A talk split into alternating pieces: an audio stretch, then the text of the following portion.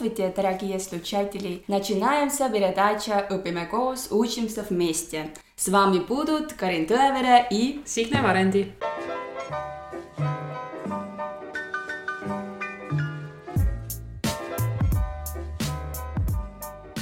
Сегодня у нас в гости Наталья Синакова. Она работает в Тартовском берегу в школе, и она учительница русского языка. Здравствуйте, Наталья! Здравствуйте! Спасибо, что ты нашла, нашла время для передачи. Спасибо, замечательный русский, замечательный. Спасибо. tere, Natalja. tere, Karin. aga täna me räägimegi vene keele õppest sinuga ja sina, sinu emakeel on tegelikult ju vene keel. jah, jah. ja me tahaksime hirmsasti kuulda sinu lugu, kuidas sa siia Eestisse sattusid ja kuidas sa said Veeriku kooli vene keele õpetajaks no kuidas ma sattusin Eestisse, juhtus väga kogemata, sest ma abiellusin Eesti mehega, lihtsalt tulin tema juurde. aga pärit oled sa kust äh,? olen pärit Peterburist, isegi Leningradist, jah. olen neljas põlvkond, kes elab seal Peterburis. enne revolutsiooni minu sugulased, vana, vana isa tuli elama Peterburisse. ja, ja kuidas sa siis siia Eestisse tulid, et äh, kas Bussiga. seda varianti oli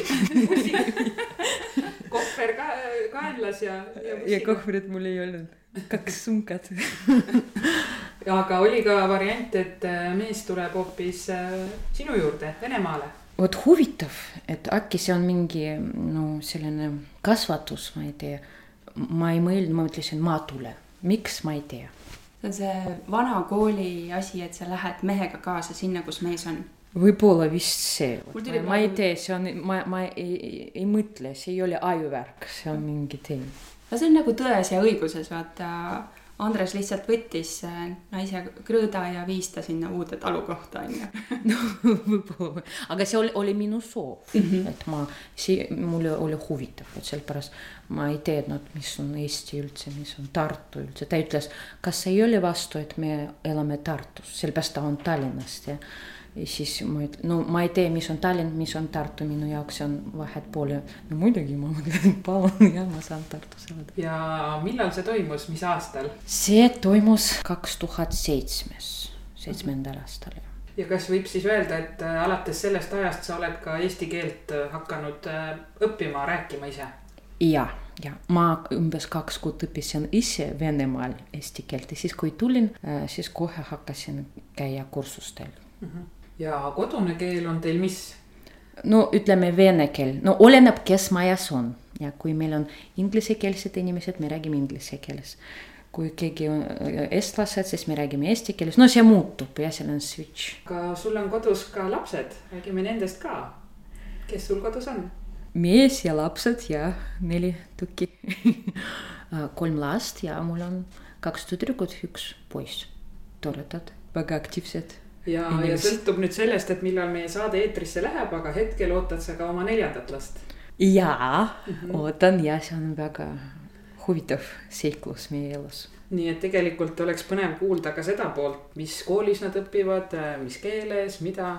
no neil on teine elutee, ütleme, sellepärast ma olen venelane ja Venemaa on minu kodumaa, aga nad on eestlased siis ne, nad räägivad mõlemat keelt. no kodus muidugi meil on vene keel, aga kui nad hakkavad käia lasteaias või lastehoius, siis alates no kolmeaastased nad hakkavad eesti keelt õppima, no väga kiiresti, juba kahe kuuga minu näiteks vanem tütar hakkas rääkima eesti keeles ja ta isegi kasutas, no vanasti eesti grammatika konstrukt-, konstruktsioonid vene keeles. näiteks mama, где мои колготки? ja osastav t lõpus paneb vene sõna. aga teine laps hakkas varem käia lastehoius ja siis esimene tema keel oli eesti keel, pool aasta. siis oli vaheaeg, siis ta hakkas vene keelt rääkima, unustas siis natukene eesti keelt, nüüd jälle, no see on keeruline, see on keeruline, aga nad val-, valdavad kaks keelt aga nad käivad Eesti lasteaias, Eesti koolis jah? no nad käivad Eesti lasteaias, aga vene koolis, et nad omandavad enne kooli juba meie riigikeelt. Ja siis aga vene keel on nii keeruline ja raske, kui näiteks algkool ei tee või isegi põhikool ei tee vene keeles, see on, no see on raske, selle, sellepärast on keeruline keel, siis ma tahan, et põhikool on vene, edasi nad valivad ise, kuhu nad siis tahavad no nii, aga kuidas sa nüüd ise siis õpetajaametisse jõudsid, et tulid Peterburist Eestisse, kas kohe asusid õppima õpetajaks või, või milline oli sinu enda koolitee? ütleme nii, et Venemaal ma Peterburis ma lõpetasin Vene riikliku pedagoogilise Hertseni nimelise ülikooli. bakalaureusekraad mul oli omandatud, siis ma tulin Eestisse ja siis, no mul olnud selline megapositiivne algus oli, sest kui ma hakkasin õppima eesti keelt, siis tekkis selline olukord, et otsivad õpetajad vene keele ring, et vanemad tahavad, et nende lapsed alustavad õppida vene keelt varem, mitte kuuendas klassis. siis nad leidsid mind ma mõtlesin, oh, väga huvitav seiklus äh, ja minu pedagoogiline, esimene pedagoogiline praktika. ja mul oli kaheksa tüdrukut, kaheksa õpilast, väga andekad väga targad, kõrgemalt motiveeritud, vanemad toetavad, me nii hästi õppisime vene keelt, nii kiire tempo, kui ma tulin ülikoolisse ja rääkisin, siis mitte keegi ei uskunud, et on võimalik nii kiiresti omandada keelt no muidugi vot see praktika, mis mul oli umbes kolm aastat, ma tegelesin vene keele ringiga ja siis ma tulin töötada tavakoolis, Veeriku koolis. on, on vahet. aga sa ütlesid, et kui sa ülikoolis rääkisid sellest, kas sa siis Tartus äh, läksid ka ülikooli? Ja ma astusin Tartu Ülikooli mm -hmm. vene filoloogia erialal, lõpetasin magistratuuri, no vene keele võõrkeelena, no tegelikult ma võin ka emakeelena õpetada, aga tegelikult minu suund on vene keel võõrkeelena, sellepärast kuna mul oli nii hea kogemus vot minu esimese õpilastega, siis ma mõtlesin, äkki see on minu kutsumus. ja siis, no mul oli uskumatu head õpilased, no ette, õpilane, vot kõik, mida ma ütlen, näiteks üks õpilane, ta kõik jättis meelde. ja teine õpilane oli väga selline huvitav, et ta kohe ütleb täpselt sama, nagu mina ütlen, ilma aktsenti, näiteks mina, no nagu te kuulete, räägin väga suure vene aktsentiga ja mul oli selline õpilased, sellised õpilased, kes lihtsalt kordavad minu järgi täpselt nagu puhas venelane. no vot siis ma mõtlen, no kuidas on võimalik, ta kuulab esimest korda seda sõna. Ja kohe ütleb, ma mõtlesin, et kõik õpilased on sellised, kõik tahavad vene keelt õppida, et see, see minu jaoks oli no suur selline laeng jah, et vot edasi jätkata seda töö, tee, siis ma lõpetasin magistratuuri cum laude. Ja siis ma tulin põhikooli kolm päeva enne esimest septembrist mulle helistati ja öeldi, vot, et Veeriku kool vajab ruttu-ruttu õpetajat, siis ma mõtlen, oh, vot see on see minu, minu kool, siis ma tulin ja siis tuli juba teine etapp minu elus, teine praktika, ka väga põnev, aga ma ei saa võr-, võrrelda isegi need kaks vot kogemused, mida ma saan nagu ringis, vot vaba atmosfääris ja, ja koolisüsteemis, vot see on need erinevad. no mis see põhierinevus on, kas ongi see, et ringis olid lapsed äh, nooremad, motiveeritud, aga põhikoolis vanemad ja ei ole siis nii motiveeritud vene keelt õppima või on, on...? no Signe, nagu sa ise teed, vot esimene probleem, mis ma ei, ei saa lahendada, on selline, vot kujutage ette, on olemas sellised õpilased, esimesest tunnist teavad, et nad ei taha seda õppida. no muidugi ma täiesti mõistan olukorda ja ma ei taha need ka õpetada, sellepärast no nad ei taha, no las nad valivad siis midagi muud. vot miks nad ei saa valida midagi muud, vot tol ajal meil ei olnud Veeriku koolis valida, äkki nad siis võiksid näiteks saksa keel nagu praegu nad valivad kas vene või saksa keel õpivad, vot aga vot oli selline hetk, et no, no nad ei taha vot ja siis muidu selline kohe säästlik režiim nende jaoks, vot, aga see on keeruline juba, et nad teevad seda, mida nad ei taha teha. ehk siis juba see motivatsioon neil algselt puudub, eks ju, et ja. see on nagu esimene probleem. ja, ja, ja aga nüüd see vanus, kas see vanus on liiga hilja äkki, et ähm, Veeriku koolis ka, et ja paljudes koolides tuleb see vene keel teise võõrkeelena, mis ongi, algab kuuendas või seitsmendas klassis. kas sinu meelest on see liiga hilja vene keele jaoks, sa ütlesid ka, et vene keel on ju keeruline keel. noh, tegelikult elu on nii keeruline et neljandast klassist alustada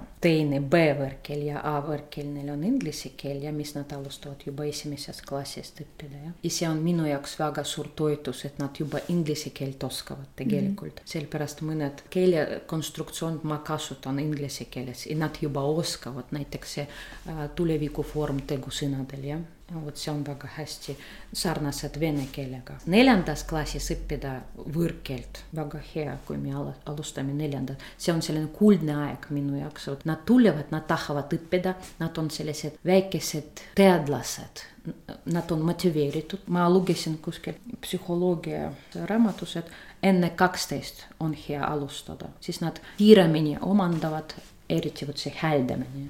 no minu hääldust sa kuulsid ka siin alguses, mis on, ma kujutan ette, et ka ülikohutav oli tegelikult. ei, Karin, sul on väga ilus Pribaltiski aktsent, sul on pehme, ei, sul on kõik korras, ära no, see, see on kõik tänu sulle siis, Natalja, sest minu viimane vene keele õpetaja olid sina, eks ju. aga mul tuli meelde see, et eelmisel hooajal me rääkisime Julia Uigaga, kes töötab vene keele õpetajana Tartu Kristlikus Koolis ja temaga sellel arutelus mõtlesime, et võib-olla peaks ära vahetama, et vene keele õpet alustama ennem inglise keele õppimist, et see inglise keele ruum on meil nagunii ümber ja see toetab, on meil arvutis, on meil televiisoris, on meil telefonis, et kui vahetaks ära need keeled, alustaks vene keelega seal esimeses või teises klassis, kas see aitaks sind? Või sa ikkagi ütled, et, et see neljas on hea algus, ma saan inglise keelele toetuda, et kuidas sulle tundub, oled sa mõelnud selle peale üldse? no esimest korda ma tegelikult kuulen seda mõtet. no see on filosoofiline ja väga teoreetiline, ütleme nii. ühest küljest jaa, teil on õigus, et vot et kui nii keeruline, et alustada varem. teisest küljest ei, las nad arvavad, et kõik võõrkeeled väga kerged, väga hästi omandatakse, et las neil on selline edukogemus on olemas, siis nad arvavad peale inglise keelt, äkki vene keel ei ole nii raske, sellepärast peale vene keelt siis nad, oh inglise keel mm, -hmm. las vene keel hiljem algab. kuna me oleme Kariniga mõlemad su tundides äh, käinud ja, ja vene keelt äh, siis värskendanud ja õppinud natuke, et tahakski, et sa jagaks seda oma pedagoogikat siis, et milliseid meetodeid sa siis oma tunnis äh, kasutad, et kas on see keelekümblus, et sa proovid rääkida ainult vene keeles või võtad sa siit-sealt, kombineerid midagi kokku, et on midagi, millest sa lähtud või see on segu mitmest asjast mm. -hmm. no minu tunnid ma korraldan läbi rollimängu, ma sim simuleerides reaalseid elusituatsioone mm. -hmm. näiteks poodi, müüja ja ostja või restoranis ja no minu jaoks üldse ma arvan, et tund on selline sündmus. väga huvitav mõte, et tund on sündmus. no see on vana mõte tegelikult. aga see on jumala õige mõte, see ongi nagu see, et kõik valmistuvad selleks eriliseks sündmuseks. ja, ja, ja siis see on väga, no kuidas öelda, no muidugi see on väga suur ettevalmistus õpetaja poolt. no ma võin mõned asjad jagada, mis ma proovisin ära teha. no tegelikult mõnikord ma tunnen, ühest küljest õpetaja omandab vot see suur-suur äh, teoreetiline baas ülikoolis, vot näiteks vanasti, kui ma olin väga noor, õppisin ülikoolis bakalaureusega Peterburis. muidugi mulle väga meeldisid need Amanašvili, Suhamlinski, Makarenko, Janusz Kortšak, no need kõik vot tuntud ja õpetajad, pedagoogid, nende kõik äh, raamatud ma lugesin, ma olin väga inspireeritud. no näiteks võin jagada mõned asjad, vot näiteks mul on vedanud, et mine, minu kooli direktor on vene filoloog, kellega arendasin koostööd telefooni teel. leppisime kokku, et mis kell direktor helistab minu telefonile tunni ajal. Õpilased kirjeldavad oma sõpra, kuna häält telefonis on potentsiaalne tööandja õpilased, no nad äh, muidugi me alustame septembris, kolm, kaks ja pool kuud me õpime, kuidas äh, iseloomustada, kuidas kirjeldada inimesi, välimus, iseloom, pere ja. siis ma mõtlen, et kuidas teha niimoodi, et nad tekib vajadus nüüd et nad seda praktiseerivad mm. -hmm. no siis ma praegu leidsin selline variant, et keegi helistab, keegi venelane helistab, nad peavad vot nüüd need seda sõnavara kasutada, jah. ja siis on huvitav, see on nii stressi tekitav tund Need on kolmkümmend minutit, nad on nii,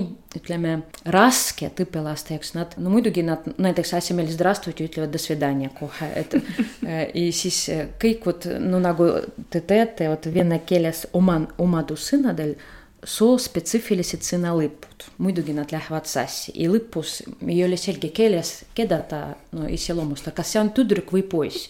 ja siis see hääl telefonis küsib, no это девочка или мальчик, siis девочка, no, no aga huvitav, sellepärast ma juba korraldan seda mitu aastat, vot need õpilased, kes praegu no Treffneris või mine Härmas õpivad, ma küsisin, no ükskord nägin need, et millised olid need tõesti vot head ülesanded ja siis nad meenutasid seda aloo mm, -hmm. ütleme äh, harjutus, et nende jaoks see oli hea praktika, sellepärast no ongi vot praegu võimalik, ta küsib teid ja te vastate, aga kõik salvestatakse diktafoonile, me kuulame meie salvestused, vestleme, reflekseerime. no see on näiteks vot selline viis, et me simuleerime vot reaalne olukorda. parim õpe see, et sa oled, loodki sellise reaalse elulise situatsiooni, mis võib igalühel meist ette tulla, et see on super juba. aitäh, no ma, ma mõtlen, ma sain aru, et ainult see aitab vot tegelikult sellepärast no räägid, kuus aasta õpin, ei oska mitte midagi, siis ma mõtlen, no, no on vaja midagi, et teha selliseid harjutusi, mis jätavad sügavad, ütleme jäljed, vot need stressid äkki jätavad need jäljed. on sul veel mingeid selliseid põnevaid näiteid mm? -hmm. ja viimane, mida ma mõtlesin välja, oi, see oli meie seitsmendikudega, me käisime lasteaias, kus on venekeelsed lapsed. no ma mõtlesin, no kuidas ma, no ma pean teha õpilaste jaoks, et no korraldada seda praktikat, kus nad siis kasutavad oma kõik õpitud sõnavara. vot ja siis ma valisin lasteaeda äh,. miks? sellepärast seal väikesed lapsed aga min-, minu lapsed, no õpilased on suured, siis nad ei karda, no vot ja siis äh, oli hea. vanad või kui kaua need seitsmenda klassi õpilased vene keelt olid õppinud selleks ajaks, enne kui nad sinna lasteaeda läksid? neljandast klassist alates neljandas, vist. ja neljas, viies, kuues, seitsmes, neljas aasta mm. -hmm. aga ilma keskkonna, vot kui ma küsisin pool klassi ütlesid, et see oli esimene kogemus, kui nad kasutasid vene keelt. ja mis seal siis lasteaias toimus, et kas te lihtsalt läksite vaatlema ja kui juhtus, et keegi midagi küsib, siis nad vastasid või oli seal ka mingi tegevus? nii no muidugi see üks ettevalmistus oli, et me tegime, me mõtlesime, mida me saame teha nendega ja meie õpil-, minu õpilased nendega, et meisterdame kaarti emadepäevaks siis ma õpetasin minu õpilastele, kuidas no, öelda, pane kokku, volja, lõika, отрежь, положи, сложи, naklei, kleebi, siis nad õppisid need sõnad ja siis nad pidi juhtima neid. veel ma ütlesin, no isegi kui te unustate need kõik tegusõnad, on vaja kiita И siis nad väga aktiivselt kasutasid, молодец, очень хорошо, молодец, siis aga see ongi, oli väga huvitav, et meie, meil oli niimoodi, neil oli nelikümmend last, meil oli kakskümmend last ja siis ikka oli vajadus, siis kui üks unustamine, teine toetab, siis oli väga hea такой teamwork.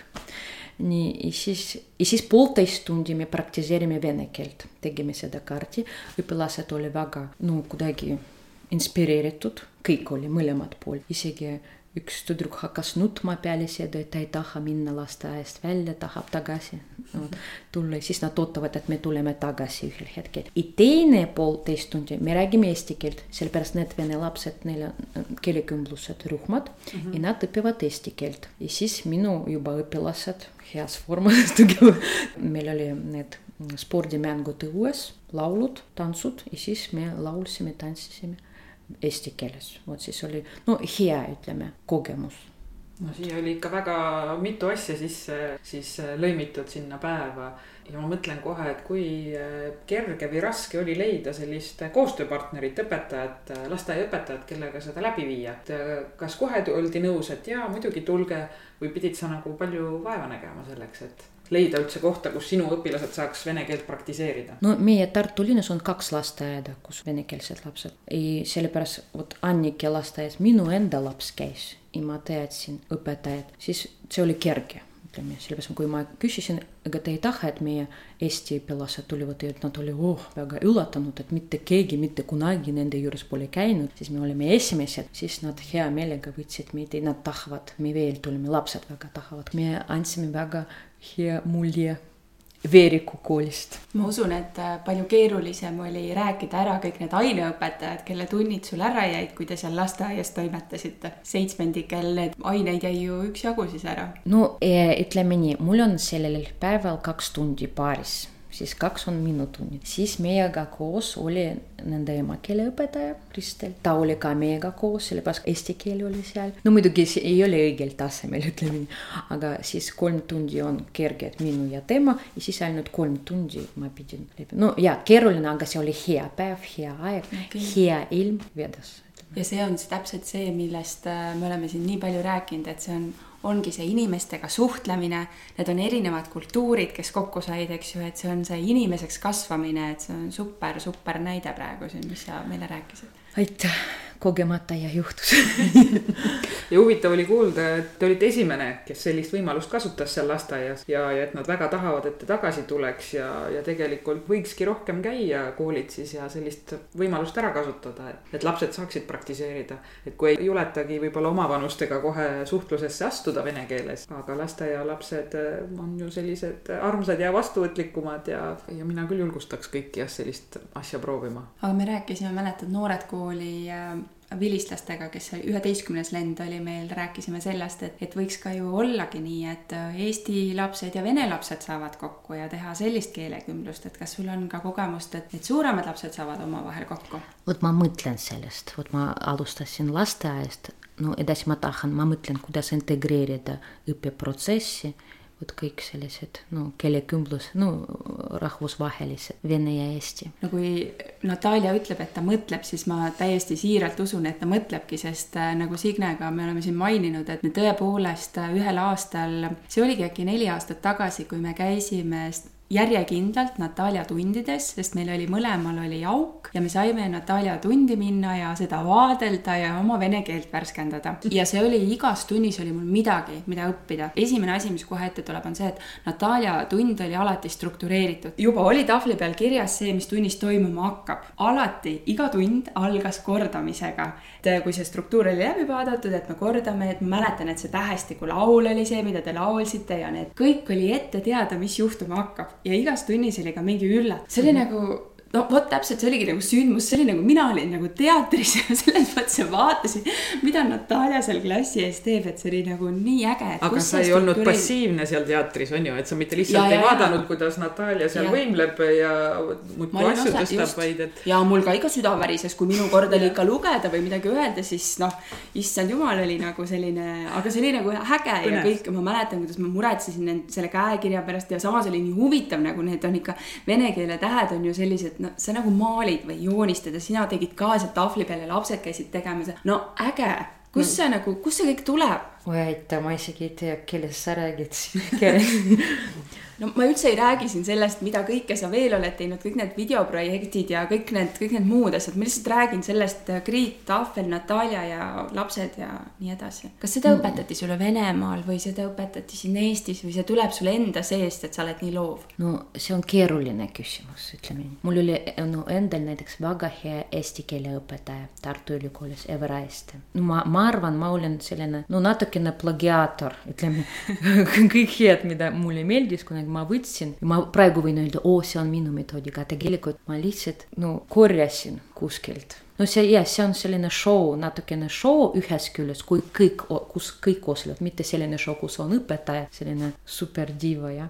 teisest küljest on muidugi õpetaja nagu šaman, iga kord on vaja mõelda, vot mis vot nendele vot õpilastele sobib. No ja muidugi see peab olema huvitav. sa ütlesid, et sa tegid plagiaati või noh, et võtsid siit ja sealt, et mina võtsin kohe sinu tunnist selle sama, mida Karin juba mainis, et äh, tahvlinurgas on nii-öelda päeva või tunni siis äh, tegevused. ja ma nii mäletan, kuidas Natalja ka Kriidiga alati selle läbi kriipsutas, mis oli tehtud ja see, ma võtsin selle enda tundi kohe inglise keele tundi kaasa ja, ja see tõesti õpilastele meeldis, see oli selline rahuldust pakkuv, et me nüüd tegime ära selle asja ja kriipsutame maha on tehtud, nüüd on veel need asjad meil teha, et äh, selliseid pisikesi häid äh, võtteid või, või nippe olen mina sinult saanud igastahes väga palju. pluss siis see suur-suur kogemus sinna juurde, et meil õnnestus Kariniga ka käia sinuga lausa Moskvas ekskursioonil õpilastega. et jällegi selline asi, mida paljud õpetajad, ma julgeks arvata, ei julge ette võtta. kuidas sa ikkagi lähed õpilasgrupiga ja ja kes ja. ei ole veel sinu enda klass päriselt, et sa ei olnud ju klassijuhataja nendel lastel. ja, ja see reis oli ju ka niimoodi üles ehitatud, et see oli ikkagi puhas õppereis, sest õpilased pidid ette valmistama teatud vaatamisväärsustest siis rääkimise, et see ei olnud niisama selline lõbu või meelelahutusreis lihtsalt, võib-olla natukene jagaksid seda Moskva meenutust ka, et kas sa oled nüüd peale seda reisi ka midagi planeerinud, kuidas Oi, see jah. kogemus oli? Ei, no mul on muidu suured plaanid edasi. ei no lihtsalt äh, mina olen ka reisinud palju ja vot näiteks mind väsitab, kui giid kogu aeg midagi räägib. see nagu raadio, et ei saa, ei saa seda kinni panna, vot ta räägib ja räägib, ma olen mures, et kuidas vot, kui selline reis, kui kogu aeg keegi räägib. ja teisest küljest ma mõtlen, kuidas vot no õpilased ja mõned õpetajad lähevad esimest korda Venemaal ei tahaks natukene seal elada no tavaeluga, mitte niimoodi, et me bussis vaatame aknast, vot selline hoone või selline hoone, aga me kõnnime, me sõidame metroga ja see oligi no mõte, et elame natukene seal aga see, mis, kui õpilane vastutab mingi koha eest, vot see oli minu plaan, et no sellepärast meil, meid oli, meil oli väike rühm, üheksa õpilast, pluss mina kümme ja kümme kohta me valisime ja umbes kümme kohta ja iga õpilane kui me tulime selle kohale tam Kremlis või Krasnõja plošid, siis nad rääkisid. no ma arvan, see oli hea. no muidugi need gidid oskavad paremini rohkem rääkida, aga mitte keegi ei olnud väsinud. no ainult jalad, jalad oli väsinud aga moraalselt ma arvan, ei ole nii raske, no nagu te ütle, ütlete praegu, et see ei olnud väga halb no see oli esimene kord, mida ma tegin mm. -hmm. vot, ja ma mõtlen edasi, et ma tahan sellised reisid, kus mingi seiklus või midagi juhtub, mingi mäng käib, vot siis selle, selle kohta ma mõtlen, vot ma praegu tahan Peterburi minna niimoodi, et rentime ära mingi lossi ja seal toimub ball, no mingi see või kedagi varastame, no mõtleme, vot no midagi seiklust tahaks, et mhm. inimesed siis jätavad meelde, ei, ei tahaks liiga palju ka panna ühe, ma näen, mõned kavad on sellised, et neli kohta päevas, et inimene täiesti surnud isegi peale esimest päeva. vot ma mõtlen parem vähe, emotsioonid kindlasti tulevad, me sõitsime rongiga Moskvasse ja kui ma küsisin, et no mis on kõige põnevam oli Moskvas kõik ütlesid rong siis ei pea isegi Moskvasse lihtsalt rongiga sinna tagasi. aga see kasvõi seesama rongisõit, et noh, okei okay,, ma alustan sellest, et enne kui me sinna Moskvasse läksime, et sa võtsid selle grupi kokku ja sul oli kaart joonistatud ja kõik need paigad, mida me külastasime, need olid välja joonistatud ja, ja noh, jällegi seesama struktureeritus oli seal kaardi peal olemas, et noh, et me teame seda oma teekonda, kuidas me liigume ja siis, kui me sinna rongi jõudsime, need Eesti lapsed leidsid leidsid ju tegelikult endale juba sõbrad sealt äh, rongist ja läks see keelekümblus seal lahti, et nagu superäge. et sa kuidagi nagu leiad need võimalused, kuidas viia õpilased äh, sinna keskkonda, kus nad saaksid praktiseerida ja no seal Moskvas oli ju näha, et nad ei kartnud nad või noh, võib-olla natuke kartsid, aga nad ikkagi võtsid ennast nii palju kokku, et äh, tegid suu lahti ja, ja proovisid igal võimalusel ikkagi seda vene keelt siis rääkida, et mida ma enda kohta näiteks ei saa öelda, et mina olin selline tagasihoidlik pealtvaataja ja noh, ma natuke üritasin mingeid sõnu sealt kõrva taha panna, aga, aga õpilastes kuidagi nad on ikka nii palju julgemad. teate, mis mul meelde tuli? Tuli praegu veel Natalja tunnidest, et Natalja oli üks esimesi õpetajaid, kes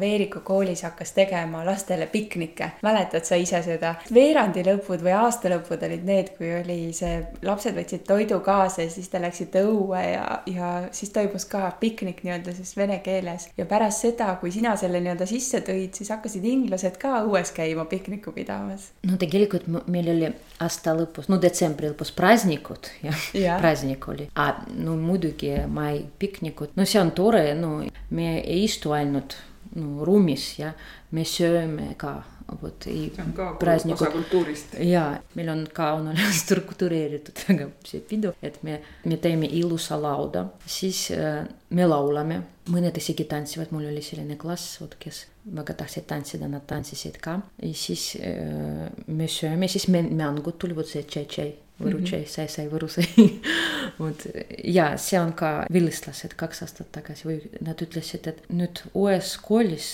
gümnaasiumis nad ei tee praasnikud, temal oli nii kahju.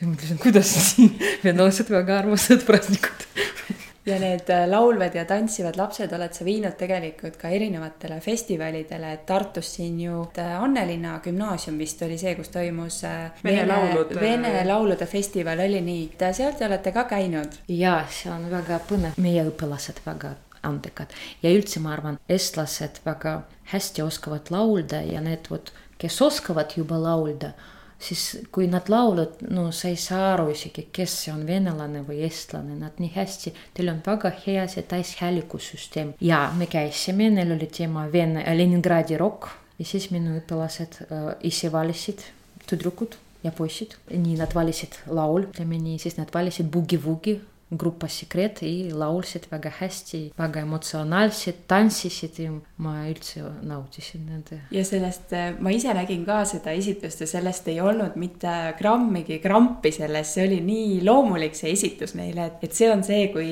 õpetaja lubab tunnis suhelda ja on selline vahetu, et ma arvan, et see tuleb sealt. kui kui meie keele õppimine läbi suhtluse minu jaoks äh, tänapäeval ongi kõige tähtsam, et mina tulen sellest ajast, kus äh, oli grammatika õppimine. et tuupisime ainult seda grammatikat ja ma tõesti, ma praegu ei räägi vene keelt, sest esiteks ma ei, ei oska seda ja ma ei, ma ei julgegi. et äh, kuidas sinuga on lood, et kus see grammatika õppimine siis on, kui te ainult muudkui nii-öelda suhtlete ja, ja justkui mängite, kas sa sellele ka eraldi tähelepanu pöörad või kuidas nad selle osa selgeks saavad? Grammatika on tahtis sa tahad, et sinu kõne on ilus, normaalne inimeslik. see on vaja kombineerida. no nagu kõik, ma arvan, õpetajad proovivad lihtsalt mõnedel õpetajal võib-olla see grammatika on, need harjutused, kirjutamine on suurem osa. no endale ma panin sellised, ütleme, piirangud tegin endale, et no iga õpilane peab igas tunnis no midagi öelda, sellepärast pole mõtet kirjutada, no me kõik kirjutame väga palju, mina ka õppisin inglise keelt näiteks viiendas klassis või kuuendas klassis, viis aastat õppisin inglise keelt, tulin Soome, ei saanud öelda, kus on WC ja see on probleem. No, no miks ma viis aastat õppisin, et WC ei oska küsida, vot.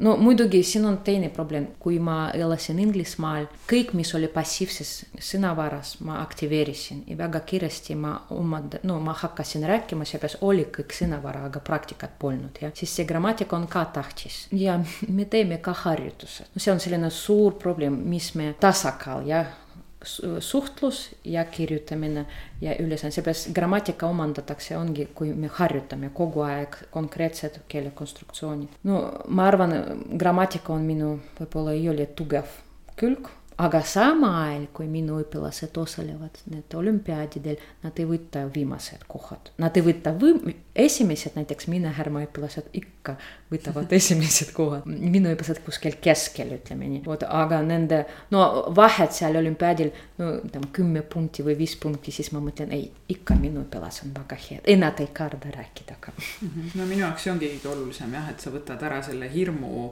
rääkimise ees, sellepärast et kui ma kardan rääkida, siis ma ei, ei räägigi ja, ja ma ei saagi ju praktiseerida ja siis ma ei saagi ka seda grammatikat õppida, et. et tegelikult äh, see äh, rääkimine siis ongi minu jaoks võõrkeele õppimisel ikkagi number üks, kõige tähtsam. et kui ma ise olin äh, inglise keele õpetaja algklassidest, siis samamoodi me ikkagi keskendusime kogu aeg rääkimisele. ja et iga laps saaks tunnis ikkagi suu lahti ja, ja see grammatika omandati selle rääkimise käigus. proovisin seda keelekümblust siis rakendada. aga kusjuures sellega on huvitav, et noh, mina nüüd vanas eas hakkasin prantsuse keelt õppima ja enne kui ma nagu seda nii-öelda kursustele läksin, siis ikka noh, Youtube'is ja mingisugused kasvõi mingite äppide kaudu õpid üksikuid sõnu ja prantsuse keel tundus no nii äge, nii ilus, nii lihtne, kõik on väga tore. ja siis, kui seal kursusel sa lähed selle grammatika peale ja nüüd selle lausete moodustamine muutub nii raskeks, sest ma juba tean seda grammatikat ja ma ei taha öelda valesti, vaid mul võtab aega, et see kogu see konstruktsioon paika nagu panna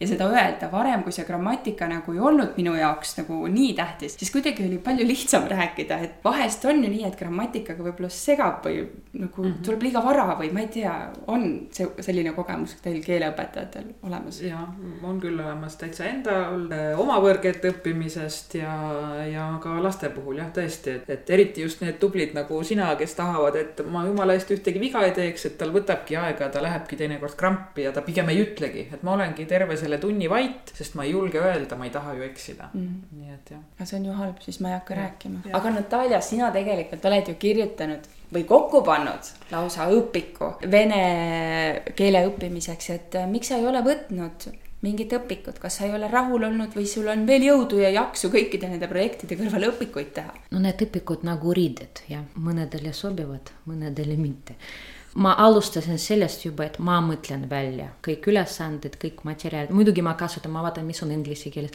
ka prantsuse keeles ma vaatasin, mis on eesti keeles? Ja vot see kokku, vot mis tuleb välja veel näiteks üheksandiku, ma saan aru, nad on nii väsinud peale kõik need katsumised mingi simule-, simulatsiooni eest, need ettevalmistused, need kõik gümnaasiumi, nad lihtsalt väsinud. Ja siis ma küsisin, no vot, meil on veel neli kuud koos mida te tahate õppida ja siis nad pakkusid ja me tegime hääletame, hääletasime. Nad valisid ise, mida nad õppisid ja siis me tegelesime kolm kuud juba sellega. no see õpik äh, oli selline, mis tegelikult ju koosnes äh, õpilaste enda töödest. seal oli õpilaste joonistusi, äh, kirjutisi, noh, sinu, sinu harjutusi ka muidugi, aga üldiselt ta nägi välja justkui nagu laste enda tehtud, et kust see mõte tuli? no me oleme partnerid ja mina ja õpilased jah. vot kui ma õpetasin otse esimene aasta tavakoolis, meie Veeriku koolis, siis ma saan aru, et on vaja kirjutada, ma kirjutasin, õpilased joonistasid, praegu juba neljas lend oli, kui me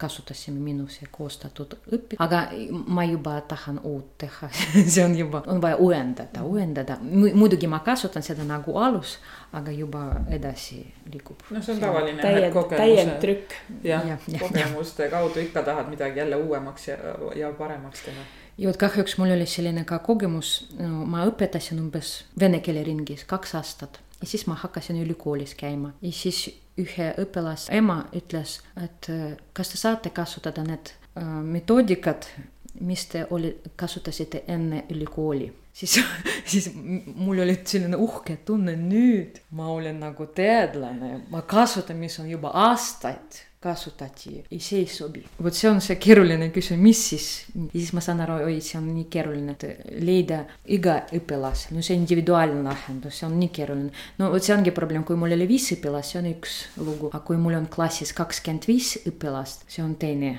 keeruline lugu, et me aeglaselt, kui kakskümmend viis õpilast, see on kakskümmend viis erinevat viisi, kuidas omandatakse keelt.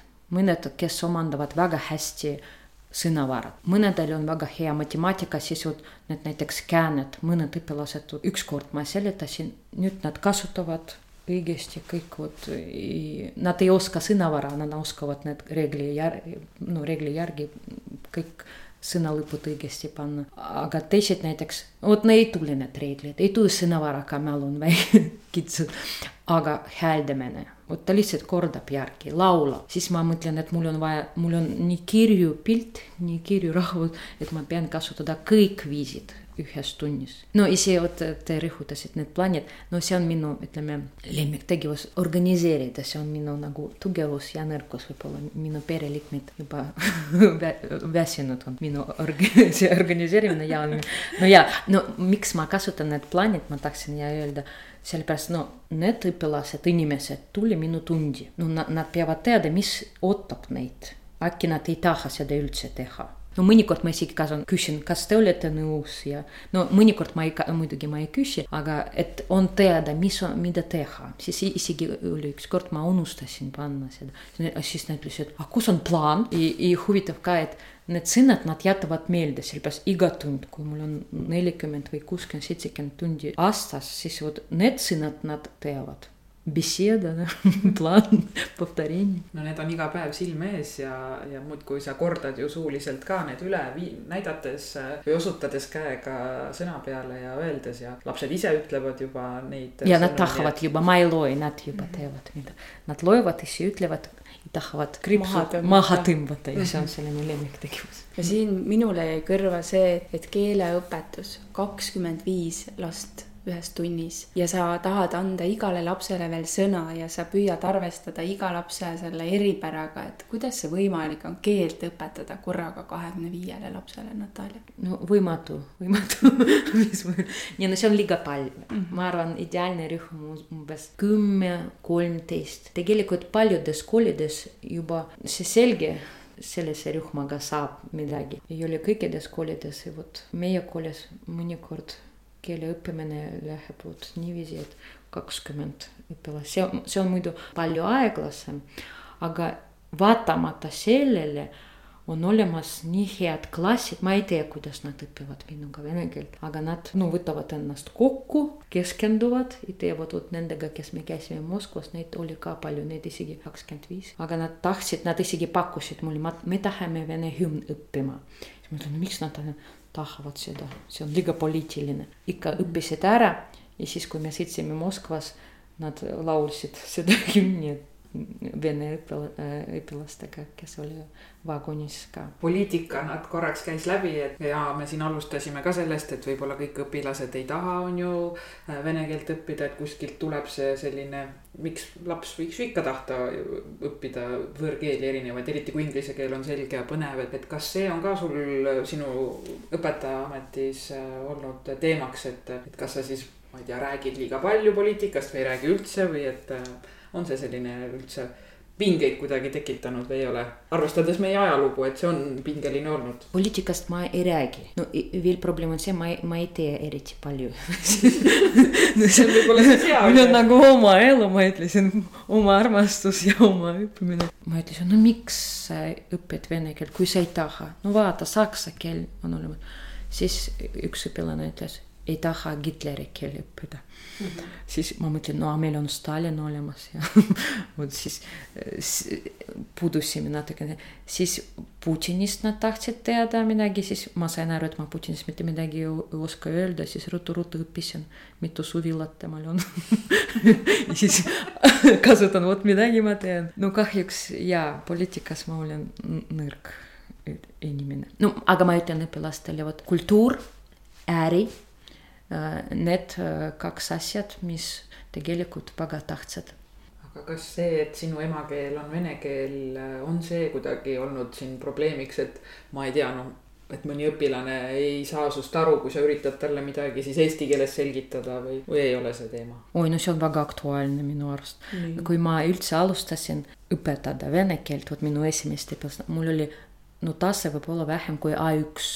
no või, või A1, vot minu õpilased õpetasid mind eesti keelt minu arust, vaatamata, vot ma praegu ei tea, kuidas see juhtus, ma isegi ei mäleta, kuidas see, no see toimus, ütleme. ja mõnikord, oi, ma palun inimest korrata kolm korda ja ainult neljas kord ma saan aru siis, mis ta ütleb. tavaliselt vot kõik keerulised asjad ma kohe saan aru, aga vot mis on lihtsalt vot midagi kõnekeeles, vot see minu jaoks kõige raskem, näiteks ilukirjandus minu jaoks praegu no keeruline, ma ei saa aru. või näiteks sellised, mis on essa, mis on essa, ma mõtlen, mis on essa, aa see on, mis on esimene mm.. siis vot sellised kõne ja mm -hmm. no ja tekib probleem, aga ma ütlen, no vaadake ja ma olen mitte turist, välismaalane, õpilased oli nõus korrata nii palju -hmm. korda, kui minu jaoks oli vajalik mm. -hmm. mõnikord ma kasutan ka inglise keelt näiteks. aga ma usun, et neile meeldib olla ka siis õpetaja rollis ja hoopis sind natukene õpetada, et nad võib-olla tunnevadki, et nad nagu räägivad võrdsega. ma arvaks, et see on pigem just sinu selline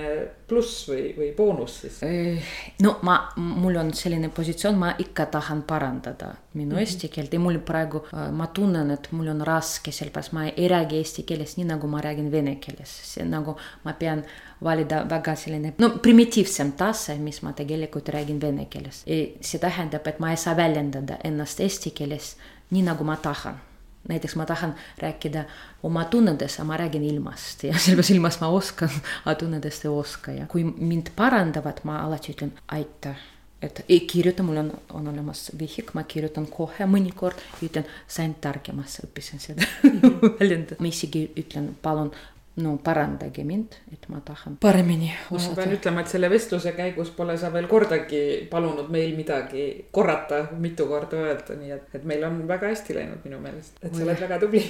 aitäh, aitäh. ma küsiks Natalja sellist küsimust, et kui me seal Moskvas reisil käisime, siis äh, tuli jutuks vene laste siis koolipäevast. et äh, vene laste koolipäev on tegelikult ju kuus päeva pikk Eesti lastel viis. kas see on igal pool Venemaal nii, tead sa, on see praegu ka nii, et kuus päeva vene lapsed käivad koolis? no see on väga keeruline. Te õpite kaksteist aastat, jah mm -hmm. koolis, aga meil oli niimoodi, et ka mina õppisin kümme aastat näiteks. ja siis tehti niimoodi, et õpivad üksteist aastat, aga kuus päeva nädalas. no veel praegu on nii erinevad koolid, praegu ei ole kindel, kas kõik koolid siis kasutavad kuuepäevane aga see on koolidel vaba valik siis, et kuidas nad teevad selle? no vist, vot ei, ei oska öelda mm. -hmm. et see oli Praegu. selline põnev, põnev stimulatsioonilaks ka lastele, et, et ma mäletan, et seal Moskvas nad olid väga imestunud, mis mõttes nad käivad laupäeval koolis, et jess, meil on siin tegelikult väga hea õppida, on ju, et, et vaata, kui raske neil on, et nad peavad laupäeval ka kooli minema, et sihuke tore seik oli kas on veel võib-olla mingeid äh, erinevusi sinu kooliajast Venemaal ja praegu, mis siin siis Eestis on, et huvitavaid näiteid? ma arvan, ma olen perestroika laps, siis ma ei ole nõukoguaegne laps ei mitte tänapäevani, ma olen selline perestroika aga noh, mina olin nõukaaja laps, mäletan nii selgelt äh, seda esimese klassi vene keele õpikut, teist ja kolmandat, nad olid äh, ilusad, kirevad, ma olen isegi vene keele olümpiaadil käinud, ma olen lugenud luuletust, mille sisu ma tänaseni ei tea no mina äh, õppisin kaks aastat vene keelt äh, gümnaasiumis ja vaatan äh, oma õpimappe, mis ma siis kunagi teinud olin. paksud, paksud õpimapid täis kirjutisi, kus sul on, mul on seal mu õe pilt ja siis no ma eeldan, et jutt mu õest ja, ja ma vaatan ja ma ei, ei noh, mõtlen, et kes see, see inimene oli, kes need kõik sinna kokku kirjutas, no ju mu ema pidi seda tegema, sest, sest tõesti ma ei, ma ei, ei oska üldse vene keelt ja kurb ongi mõelda, et kaks aastat läks nagu täitsa niimoodi niimoodi raisku, et, et ma loodan, et tänapäeval on koolides see olukord äh, paranenud ja, ja see vene keel ikkagi jääb lastele külge ja nad tahavad seda õppida, et, et kui leiduks veel selliseid õpetajaid nagu sina, et siis ma usun küll, et et see helesinine unistus sellest, et kõik eestlased äh, oskavad vene keelt rääkida, võiks täituda. oih, aitäh, enne kui ma lõpetasin, tegin oma eksperiment magistratuuris, ma tegin selline no mitte intervjuu, anketeerimine ja ankete. ma küsisin vabatahtlikud, kes tahtis vastata, no tavaliselt vastasid need, kes ülikooliga kuidagi seotud õppejõud, tudengid ja mul oli erinevad vanused, kes just praegu lõpetas kooli, kõige vanem oli kaheksakümmend pluss võib-olla minu arust. ja kü-, ma küsisin seda, kas teile meeldis vene keele tunnid oma ajal ja, ja siis vot praegu ma ei mäleta seda protsent, no palju, see tähendab rohkem kui kaheksakümmend protsenti kirjutasid, et neile ei meeldinud vene keelt põhjus oli selline, et nad pidi õppima, tuppima nii palju luuletusi ja erinevaid ilukirjanduslikku materjali, mis nad ei mõista, ei saa aru. ja siis ma ka kui ma hakkasin õpetama, mõtlesin, et ma tahan niimoodi teha, et inimene peab tahtma, see nagu niimoodi, et ei, ei lõpeta niimoodi, et me teeme, teeme, teeme, siis oh, ma vihkan seda tegevust, siis tahaks, et inimestele meeldib seda, mida nad teevad, sellepärast kui meeldib, see jääb meelde, see ongi, õpetab nagu vot see on keeruline. noh, mul on kahju sellest, et ma ei kasutanud ära kooli ajal äh, seda kahte aastat maksimaalselt, tõenäoliselt ma ise ka olin, noh, oma suhtumine oli ka võib-olla selline, et ma väga ei taha seda õppida. ja nüüd täiskasvanuna mõtlengi, et esiteks ma pean kallist raha maksma, et minna kuskile keeletundi seda õppima. teiseks see aeg võtta nüüd siin äh, töö ja, ja pere kõrvalt on ju. ja täiskasvanuna sul paratamatult on raskem keelt õppida, kui, kui siis äh, lapsena või noorena. see on, see on lihtsalt minu kogemus kogemus vene keele õppimisega et ma hirmsasti tahaks seda selgeks saada, sest nähes seda, et kuskile kandideerides, tööle kandideerides ikka igal pool nõutakse, et vene keele oskus, noh eriti teenindavad töökohad. no kui sa nüüd äh, mõtled siin peale neljandat last tagasi tööle naasta, et siis on jälle kindlasti uued tuuled ja uued äh, võib-olla sellised äh, mõtted, et mida, mida kooli kaasa endaga tuua, et kogemust juba ka emana on ju ikka väga-väga palju, et kui sa mõtled oma unistuste kooli peale, et milline on sinu unistuste kool? viimasel tundides juhtus väga huvitav idee, ma lähen dekreeti ja umbes kaks aastat või kolm, ma ei tea praegu. ma nüüd pean mõtlema natukene teisiti, sellepärast sel aastal ma kordasin lihtsalt see, mis oli hea. aga nüüd ma sain aru, ma tahan, no mul on, mul on tähtis, et tulemus on olemas, et see aeg, mida me praegu kasutasime, no tegelikult see on nii palju aega, kui me kokku loeme, seitsekümmend tundi kokku, no see on palju tõesti on võimalik nii palju õppida, kuidas juhtub niimoodi, et vot me kordame need sõnavara, kordame, kordame, kirjutame ja, ja peale ühe nädala peale kontrolltöö kõik läheb ära. no see nagu sellepärast seda pole vaja nagu. ja see on, see vastab tõele, miks me siis õpime seda, mis pole vaja. siis kuidas teha niimoodi, et ja siis ma, ma val, valmistan praegu. ma ei ole valmis veel oma unistuste koolist rääkida, ütleme nii mm, -hmm. sest mul on vaja meistriks saada oma praegu erialased, kui ma saan meistriks, siis ma mõtlen. siis sa tuled uuesti ja räägid meile? Maybe kuidas sa hinnetesse, Natalja, suhtud, kas hinded sinu meelest motiveerivad õpilasi või frustreerivad neid õpilasi? on see hea, et me paneme hindeid koolis? Äh, see on jälle see filosoofiline küsimus ja äh, no vot, no kui ma tulin kooli, siis oli väga huvitav koolitus kahjuks ma praegu, mul ei tuli meelde nimetus. kas sa mõtled see õppimist toetav hindamine. jah, ja mm -hmm. see pin, pingutusnõudev ülesanded, vot see mm, -hmm. et tegelikult see ka aitas mind äh, organiseerida oma õppeprotsessi niimoodi, et esimesel tunnil ma alati ütlen õpilastele, no vaadake, meil on terve aasta, see tähendab kolm trimestrit, jah. ja meil, meil on vaja sattuda vot mingi tasemeni, jah. näiteks üheksa klassi lõpetaja omandab valdab vene keelt A2 tasemel näiteks. no muidugi meil on suur tee, kui ma neljandas klassis alustan ja siis niimoodi see, need oskused, mida nad peavad os-, no näitama maikuus, ma kohe teen arvestus esimeses tunnis. See on ka jälle väga šokeeriv, eriti uuele õpilastele, nad ütlevad mulle, ma ei oska vene keelt, ma ei oska, ma ütlen väga hea. no äkki sa oskad, äkki seda, mida mm -hmm. ma hakkan õpetama, seda sa oskad ju, siis me teeme. no ma formaalselt, ma ütlen, ma, ma pean niikuinii teha kõik need, kontrollida teie oskused. kas te oskate laulda, kas te oskate rääkida, vastada nendele küsimustele, kas te oskate, kas oskate kirjutada, oskate lugeda, oskate kuulata. tavaliselt väga kiiresti läheb umbes kümme minutit aega, kõik on väga šokis, siis ma korjan need lehekesed kus on null ja näiteks, aga mõned oskavad laulda tegelikult. trimušketjoorid laulsid Para-para-parada, mis näiteks või teine mõned, no las olla ja siis ma korjan need. ja siis see on väga huvitav, maikuus ma annan ne nendele tagasi ja siis nad täidavad, mõned teevad üheksakümmend protsendit mõned peaaegu üheksakümmend viis, sada protsenti. Ei ole, ma ootan, ootan. Aga nad näevad, et vot nii suur progress, siis me joonistame graafikud, et nad, nad on te, nad teadlased, vot nad kasutasid need üheksa kuud õppimiseks. jah, ja siis vot see, no see on ka, ma, ma loodan, et see motiveerib, vot see oli teadlik nende tee koolitee, nad vastu, vastutavad selle eest, mitte see on nagu minu kapriis, vot me praegu teeme see või see. mäletad, me Signe tegime ise samamoodi see, kui Natalja andis meile selle töö ette mm. -hmm. noh, mina olin vene keelt ju õppinud, mul ei olnud enda nimegi, ma ei osanud kirjutada, need noh, õudne. kahjuks me ei jõudnud sinna lõpp sellesse, sest tunniplaan muutus ja me ei saanud enam sinu tundides käia, aga, aga seda protsessi algust ma mäletan. no eh, hinnangud, no minu arust on hea, kui on olemas mingi väljakutse või mingi töö, kus nad peavad näitama, on hea teada, mis tasemel. no näiteks mulle meeldib protsentid, siis ma teen, et trimester mul on kolm tööd hin-, hinne peale. ma kasutan hinded, no aga nad on seatud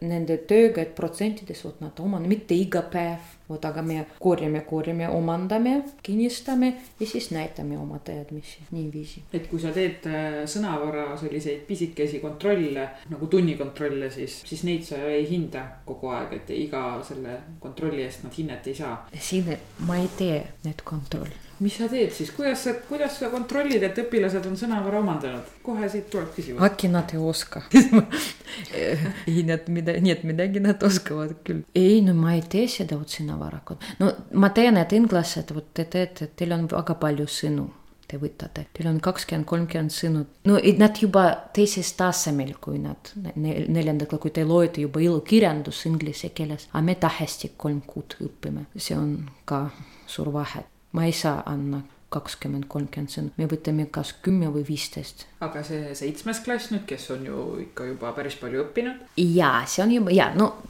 see oleneb tasemest ja, ja mina kasutan neid kont-, aga mitte iga päev, iga tund. see on üks, kui me õpime, harjutame, kinnistame ja siis ma teen see sõnavara kontroll ja tavaliselt ma teen niimoodi, et mitte sõna, sõnad eraldi mm, -hmm. ma kirjutan eesti keeles näiteks, kuidas sa näed välja ma näen välja niimoodi, ma olen tam blond, helesinised silmad ja siis nad peavad vot tõlkima terve, terved need laused mm. -hmm. no ma teen ka seda, aga mitte iga päev, mitte iga nädal, üks kord kuus ja see on ka nende jaoks no üks kontroll, vot see, selles ma panen hinda. ma ei tea, minu meelest tuleks äh, kõik õpetajad saata Natalja tundi, et siis nad teavad, äh, mismoodi selline toimub siukene väga äge õppimine, et ma ei tea, Natalja, et sinu tunnis oleks distsipliini probleeme näiteks. see on raske aine, see on raske keel, sa, sa õpetad mm -hmm. väga suurt hulka õpilasi ja, ja nagu sa ise ütlesid, kõik ei ole väga motiveeritud seda keelt ju õppima, et nad annavad kohe sulle märku, et nad ei ole